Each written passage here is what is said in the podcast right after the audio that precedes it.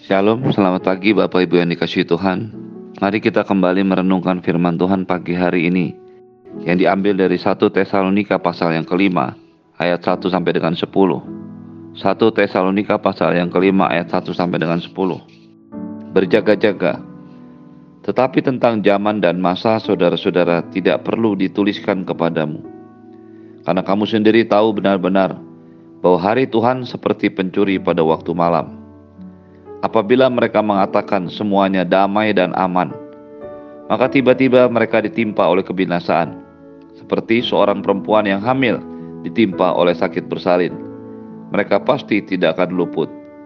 Tetapi kamu, saudara-saudara, kamu tidak hidup di dalam kegelapan, sehingga hari itu tiba-tiba mendatangi kamu seperti pencuri. Karena kamu semua adalah anak-anak terang dan anak-anak siang. Kita bukanlah orang-orang malam, atau orang-orang kegelapan. Sebab itu baiklah jangan kita tidur seperti orang-orang lain, tapi berjaga-jaga dan sadar. Sebab mereka yang tidur, tidur di waktu malam, dan mereka yang mabuk, mabuk waktu malam. Tapi kita yang adalah orang-orang siang, baiklah kita sadar, berbaju jirahkan iman dan kasih, dan berketopongkan pengharapan keselamatan karena Allah tidak menetapkan kita untuk ditimpa murka, tetapi untuk beroleh keselamatan oleh Yesus Kristus Tuhan kita yang sudah mati untuk kita, supaya entah kita berjaga-jaga, entah kita tidur, kita hidup bersama-sama dengan Dia. Karena itu nasihatilah seorang akan yang lain dan saling membangunlah kamu seperti yang memang kamu lakukan. Bapak Ibu yang dikasih Tuhan di dalam ayat-ayat sebelumnya kita sudah belajar firman Tuhan bahwa Paulus sudah mengingatkan, menyampaikan surat atau firman Tuhan kepada jemaat di Tesalonika tentang kedatangan Tuhan. Ayat 16 dari 1 Tesalonika pasal yang keempat menyatakan sebab pada waktu tanda diberi yaitu pada waktu penghulu manusia waktu penghulu malaikat berseru dan sangkakala ber, berbunyi, maka Tuhan sendiri akan turun dari surga dan mereka yang mati dalam Kristus akan lebih dahulu bangkit. Sesudah itu kita yang hidup yang masih tinggal akan diangkat bersama-sama dengan mereka dalam awan menyongsong Tuhan di angkasa. Demikianlah kita akan selama-lamanya bersama-sama dengan Tuhan. Ayat-ayat sebelumnya menyatakan bahwa kedatangan Tuhan adalah sesuatu yang pasti. Bahkan dengan jelas Paulus menyampaikan urut-urutan kedatangan Tuhan. Siapa yang lebih dulu dibangkitkan tentunya adalah orang-orang yang sudah mati dalam Tuhan. Lalu kita yang masih hidup akan diangkat Tuhan, menyongsong Tuhan di awan-awan. Ketika berita firman ini disampaikan, mungkin saja atau bisa saja terjadi pertanyaan di kalangan orang-orang percaya orang-orang Kristen di Tesalonika. Mereka mungkin berpikir tentang kapan atau apa yang akan terjadi sebelum kedatangan Tuhan itu. Dengan tujuan supaya mereka bisa menyiapkan diri mereka. Tetapi perhatikanlah apa yang dituliskan oleh firman Tuhan yang dituliskan oleh Rasul Paulus kepada jemaat Tesalonika ini. Dikatakan, tetapi tentang zaman dan masa saudara-saudara, tidak perlu dituliskan kepadamu. Mengapa tidak perlu dituliskan?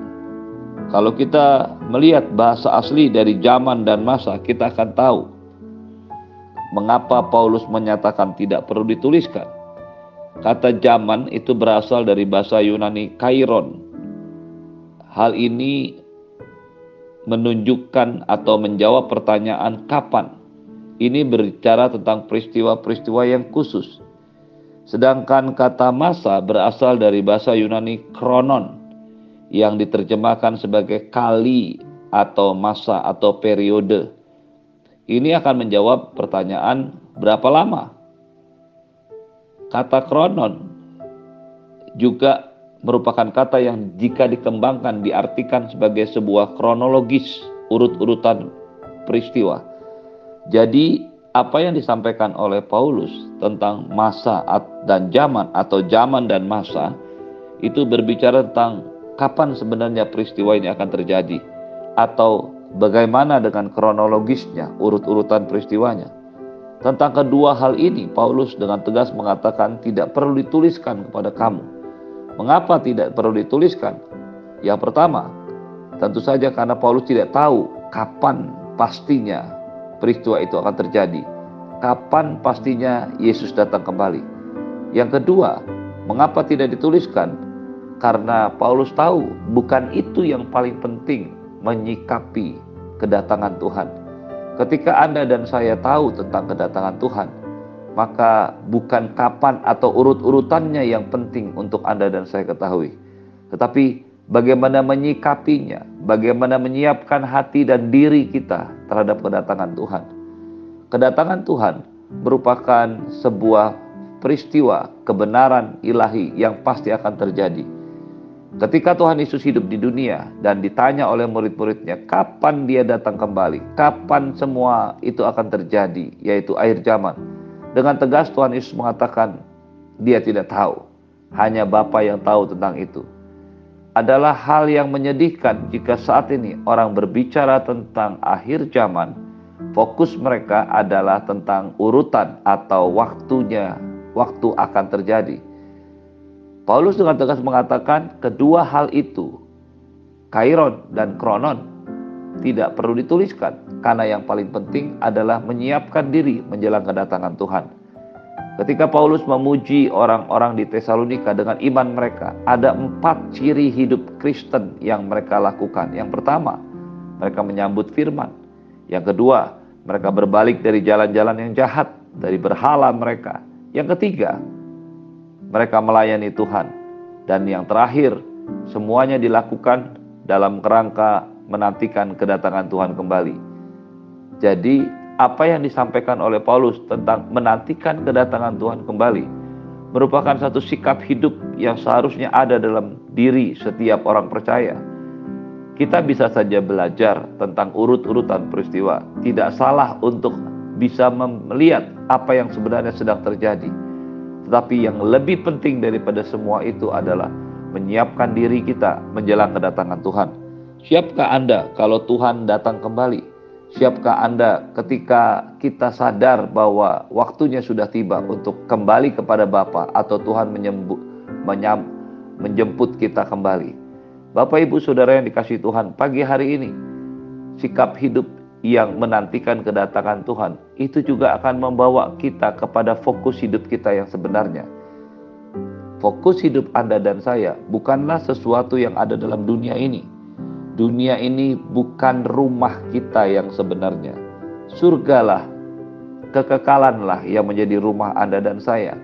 Hal itu berarti setiap fokus hidup kita, apa pun yang Anda dan saya kerjakan, lakukan selama kita hidup di dunia ini Dunia ini bukan lagi menjadi sebuah tempat yang Anda dan saya harus taruh dalam diri kita sebagai sebuah investasi yang termahal dan terbesar dalam hidup kita. Investasi terbesar kita adalah sesuatu yang berhubungan dengan kekekalan rumah sejati kita. Ketika Tuhan Yesus menyatakan bahwa Dia akan datang kembali, maka itu adalah sebuah peristiwa yang pasti terjadi. Ketika Tuhan Yesus datang untuk menjemput kita dan membawa kita ke rumah Bapa yang merupakan tempat tinggalnya dan ia menyediakan banyak tempat tinggal bagi kita. Maka sudah seharusnya kita men-setting hidup kita, memfokuskan hidup kita hanya kepada kekekalan. Inilah yang dikatakan oleh Paulus tentang zaman dan masa kamu tidak perlu atau tidak perlu dituliskan lagi. Karena kamu sendiri tahu benar bahwa Tuhan Yesus akan datang seperti pencuri pada waktu malam. Satu bagian yang paling penting, yang penting dalam kedatangan Tuhan adalah waktunya itu seperti pencuri pada waktu malam. Yang dikatakan ini di sini menunjukkan bahwa kedatangan Tuhan adalah sesuatu yang tiba-tiba tidak bisa diketahui oleh orang lain. Sama seperti tuan rumah tidak tahu kapan pencuri akan datang ke rumahnya. Ayat yang ketiga berkata apabila mereka mengatakan semuanya damai dan aman maka tiba-tiba mereka ditimpa oleh kebinasaan seperti seorang perempuan yang hamil ditimpa oleh sakit bersalin. Mereka pasti tidak akan luput. Kedatangan Tuhan adalah seperti pencuri pada waktu malam tidak ada yang tahu tetapi ketika itu terjadi kesiapan Anda untuk menyambut kedatangan Tuhan, kesiapan Anda untuk dipanggil Tuhan, kesiapan Anda untuk hidup bersama-sama dengan Tuhan merupakan satu kebenaran yang sangat luar biasa. Hal ini tentu saja berbeda dengan apa yang dikatakan oleh firman Tuhan. Ketika semua orang mengatakan damai dan aman, siapakah yang mengatakan diri? Siapakah yang mengatakan damai dan aman ini? Mereka adalah orang-orang yang fokus hidupnya hanya untuk menikmati semua yang fana di dunia ini. Ketika Anda dan saya menginginkan sebuah kedamaian dan keamanan, tentu saja itu bukan merupakan sesuatu yang salah. Tidak salah untuk mengatakan semua yang baik, yang benar atas hidup Anda dan saya tidak salah untuk mendeklarasikan iman kita, untuk mengharapkan sesuatu yang aman, damai buat hidup kita. Semuanya tidak salah, tetapi menjadi sebuah kesalahan ketika fokus hidup Anda dan saya adalah mengejar kedamaian dan keamanan di dunia ini. Mengapa? Karena fokus hidup Anda dan saya seharusnya diarahkan pada satu tujuan ilahi, yaitu bertemu dengan Tuhan, menyambut kedatangannya, atau dipanggil Tuhan. Ketika Anda dan saya merasa tidak aman dan tidak nyaman di dunia ini, roh kita merasakan sesuatu yang berbeda dengan dunia ini, maka itu akan membawa kita untuk fokus kepada Allah. Tetapi ketika Anda dan saya sudah terbuai dengan semua yang ada dalam dunia ini, baik uang, baik harta, baik makanan, apa pun juga yang Anda dan saya inginkan dan terjadi dalam hidup ini, maka kita akan masuk ke dalam keamanan dan kedamaian yang semu. Fokus hidup Anda dan saya tetap harus kepada Tuhan. Fokus hidup Anda dan saya harus tetap kepada kekekalan. Semua yang Anda dan saya kumpulkan di dunia ini akan kita tinggalkan. Tetapi semua yang Anda kumpulkan bersama-sama dengan Tuhan, itulah yang menjadi milik kekal kita selama-lamanya. Jadi apa yang dikatakan oleh firman Tuhan bahwa mereka yang mengatakan damai dan aman ini mereka lah orang-orang yang selalu fokus kepada dunia ini. Mereka pasti akan binasa sama seperti seorang ibu hamil yang ditimpa oleh rasa sakit bersalin. Mereka tidak tahu kapan itu akan terjadi. Walaupun bisa diurut peristiwanya, tetapi pastinya waktunya datang. Waktu yang akan datang itu tidak bisa diperkirakan. Tetapi kamu saudara-saudara, kamu tidak hidup di dalam kegelapan. Sehingga hari itu tiba-tiba mendatangi kamu seperti pencuri. Yang dikatakan oleh Paulus di sini adalah kita tidak bisa hidup seperti orang-orang malam, orang-orang yang tidak tahu apa yang sebenarnya sedang terjadi, orang-orang yang tidak menyadari arah hidup kita. Berjalan pada waktu malam bukanlah kebiasaan bagi orang yang hidup pada masa itu. Ketidak, ketidakadaan listrik, penerangan di sepanjang jalan, keamanan yang belum terjamin membuat setiap orang hanya ditinggal di rumah dan tidak melakukan apa pun di waktu malam. Tetapi Bapak Ibu yang dikasih Tuhan, malam itu menjadi sebuah hal yang sangat mengerikan bagi orang-orang pada waktu itu juga. Kedatangan Tuhan Yesus akan menjadi sesuatu yang mengerikan bagi orang-orang yang hidup dalam kegelapan, bagi orang-orang malam, bagi orang-orang yang mabuk pada waktu malam, baik orang-orang yang hidup pada waktu malam. Ketika Tuhan mau mengajarkan kepada kita prinsip ini, sebenarnya firman Tuhan sudah mengajarkan kepada kita kita tidak hidup dalam kegelapan dan karena itu kita tidak merasakan kedatangan Tuhan seperti se seorang pencuri pada waktu malam. Hal ini hanya bisa terjadi pada orang-orang yang tidak pernah berhubungan dengan Tuhan, orang-orang yang tidak pernah bersekutu pribadi dengan Tuhan, orang-orang yang mungkin beragama Kristen tetapi dalam hidupnya mereka sangat jauh dari hubungan pribadi yang intim dengan Tuhan. Bagi orang-orang yang demikian, kedatangan Tuhan itu adalah seperti pencuri pada waktu malam.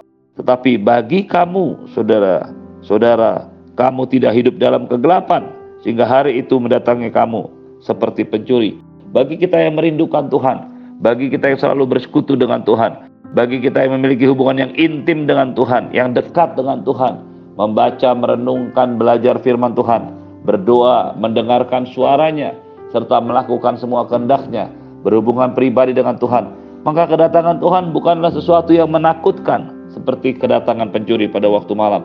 Kedatangan Tuhan lebih daripada itu, merupakan sesuatu yang kita rindukan, yang kita inginkan. Ketika fokus hidup Anda dan saya kepada Tuhan dan hanya kepada Tuhan yang sebagai yang utama, maka kita tidak akan pernah khawatir kapan Tuhan Yesus akan datang kembali. Kita tidak pernah khawatir saat tiba-tiba Tuhan memanggil kita. Mengapa? Karena memang kita sedang bergaul, kita sedang berhubungan intim dengan Tuhan. Kita sedang memiliki satu persekutuan yang intim dengan Tuhan. Kita memiliki kedekatan rohani dengan Tuhan. Sehingga kapan pun kita bertemu dengan Tuhan, kapan pun Tuhan memanggil kita, kapan pun Tuhan menjemput kita, kita adalah pribadi pribadi yang siap. Karena kamu semua adalah anak-anak terang dan anak-anak siang. Kita bukanlah orang-orang malam atau orang-orang kegelapan. Ketika Anda dan saya hidup dalam persekutuan dengan Tuhan, hidup sebagai anak terang, hidup sebagai orang-orang siang, anak-anak siang, maka kedatangan Tuhan, penjemputan Tuhan buat kita, baik pada saat Tuhan memanggil hidup kita ataupun pada saat Tuhan mengangkat kita menyongsongnya di awan-awan, semuanya bukanlah sebuah peristiwa yang tiba-tiba terjadi dalam artian kita kaget dan kita tidak siap. Tetapi sebagai anak-anak terang, anak-anak siang, setiap Anda dan saya pastikan memiliki fokus hidup hanya kepada Tuhan dan pribadinya. Ketika Anda dan saya fokus kepada Tuhan, terus bersekutu dengan Dia, maka kedatangan Tuhan bukanlah sebagai kedatangan pencuri, tapi sebagai sebuah kerinduan yang dinyatakan. Terimalah berkat yang berlimpah dari Bapa di surga, cinta kasih dari Tuhan Yesus, penyertaan yang sempurna dari Roh Kudus, menyertai hidupmu hari ini dan sampai selama-lamanya. Dalam nama Yesus, yang percaya katakan, amin. Shalom, selamat pagi.